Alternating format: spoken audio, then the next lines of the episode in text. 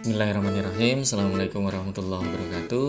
Selamat pagi Sobat Belajar Siswa-siswi SMK Negeri 8 Semarang yang hebat Utamanya kelas 11 multimedia. Untuk mengawali pembelajaran hari ini Mari kita awali dengan berdoa terlebih dahulu. Berdoa mulai. Selesai. Selanjutnya, sedikit lantunan ayat suci Al-Quran oleh saudari kita Regina Putri Lestari. الشيطان الرجيم. بسم الله الرحمن الرحيم. أما يتساءلون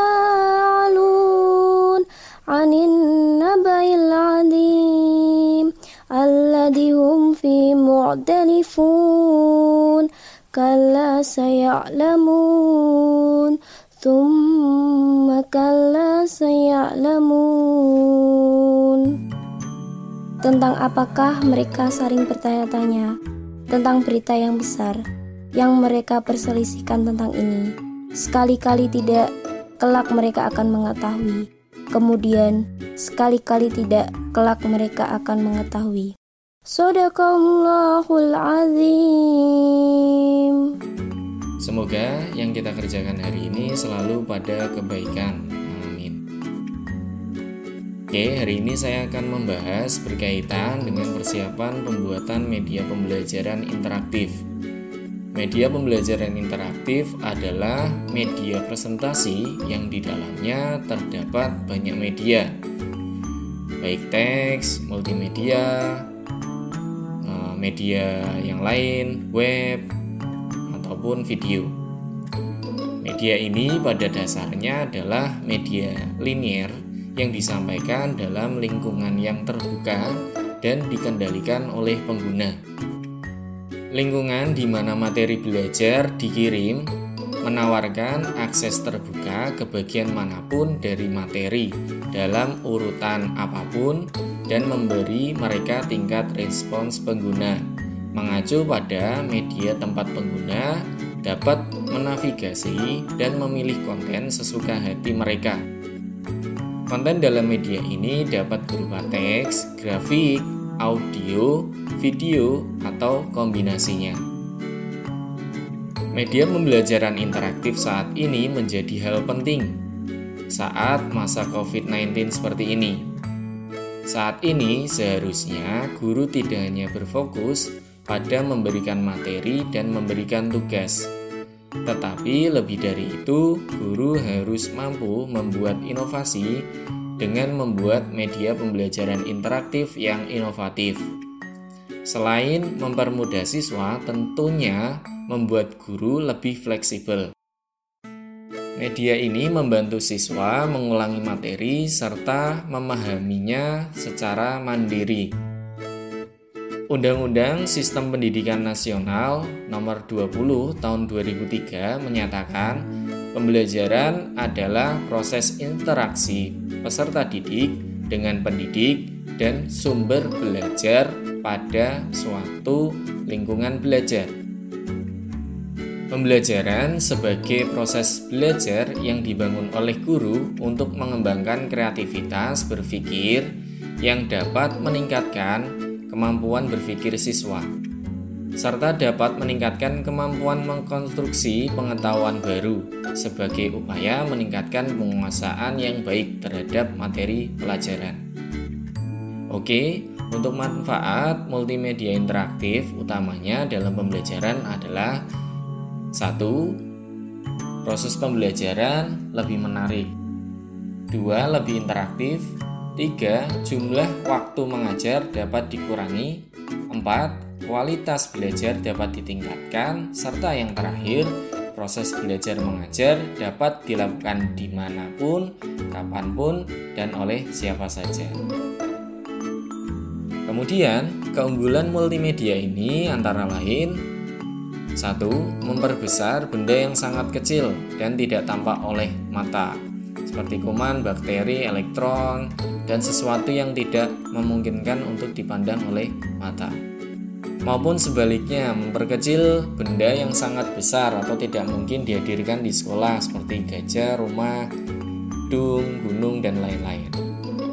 Menyajikan benda atau peristiwa yang kompleks, rumit, dan berlangsung cepat atau lambat, seperti sistem tubuh manusia, bekerjanya suatu mesin, beredarnya planet bumi, berkembangnya bunga, dan lain-lain. Menyajikan benda atau peristiwa yang jauh, seperti bulan, bintang, salju, dan lain-lain. Menyajikan benda dan peristiwa yang berbahaya seperti letusan gunung Merapi, tsunami, hewan yang berbahaya, dan lain-lain. Meningkatkan daya tarik dan perhatian siswa. Oke, syarat model pembelajaran interaktif yang dikemukakan oleh Ahmad Sabri dalam Endang Komara 2014 satu, dapat membangkitkan motivasi, minat, atau gairah belajar siswa. Dua, dapat merangsang keinginan siswa untuk belajar lebih lanjut. Tiga, dapat memberikan kesempatan bagi siswa untuk memberikan tanggapannya terhadap materi yang disampaikan. Empat, dapat menjamin perkembangan kegiatan kepribadian siswa. 5. Dapat mendidik siswa dalam teknik belajar sendiri dan cara memperoleh pengetahuan melalui usaha pribadi. 6. Dapat menanamkan dan mengembangkan nilai-nilai dan sikap siswa dalam kehidupan sehari-hari. Selain manfaat, keunggulan, kemudian syarat dari model pembelajaran interaktif, Selanjutnya adalah uh, format multimedia sendiri. Itu ada macam-macamnya. Yang pertama ada tutorial. Bentuk sajian multimedia ini disampaikan dalam bentuk tutorial, baik dalam bentuk teks, gambar, animasi, maupun video. Yang kedua dalam bentuk drill and practice atau dalam bentuk latihan soal, uh, puzzle, dan lain-lain.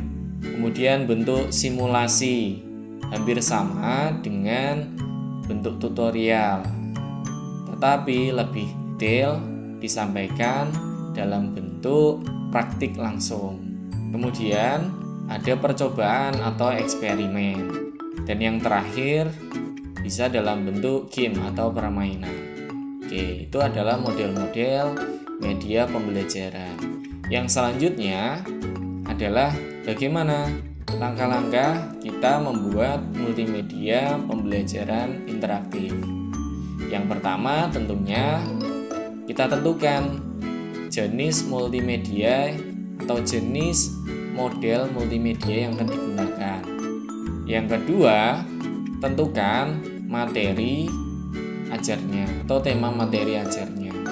Kalau kita siswa, berarti kita Nanti di sesi akhir saya akan jelaskan supaya berkomunikasi dengan guru.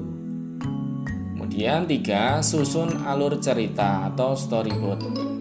Storyboard itu adalah memberikan gambaran seperti apa materi ajar yang akan disampaikan. Kemudian buat storyboard itu tidak perlu yang muluk-muluk atau susah. Ambil poin-poin saja yang penting. Kemudian gambarkan desain yang menunjukkan media itu dibangun nantinya. Yang keempat, langsung mulai buat. Kalau dalam hal ini pembuatan project atau produk ini menggunakan uh, aplikasi Articulate Storyline atau jika tidak memiliki bisa menggunakan Microsoft PowerPoint.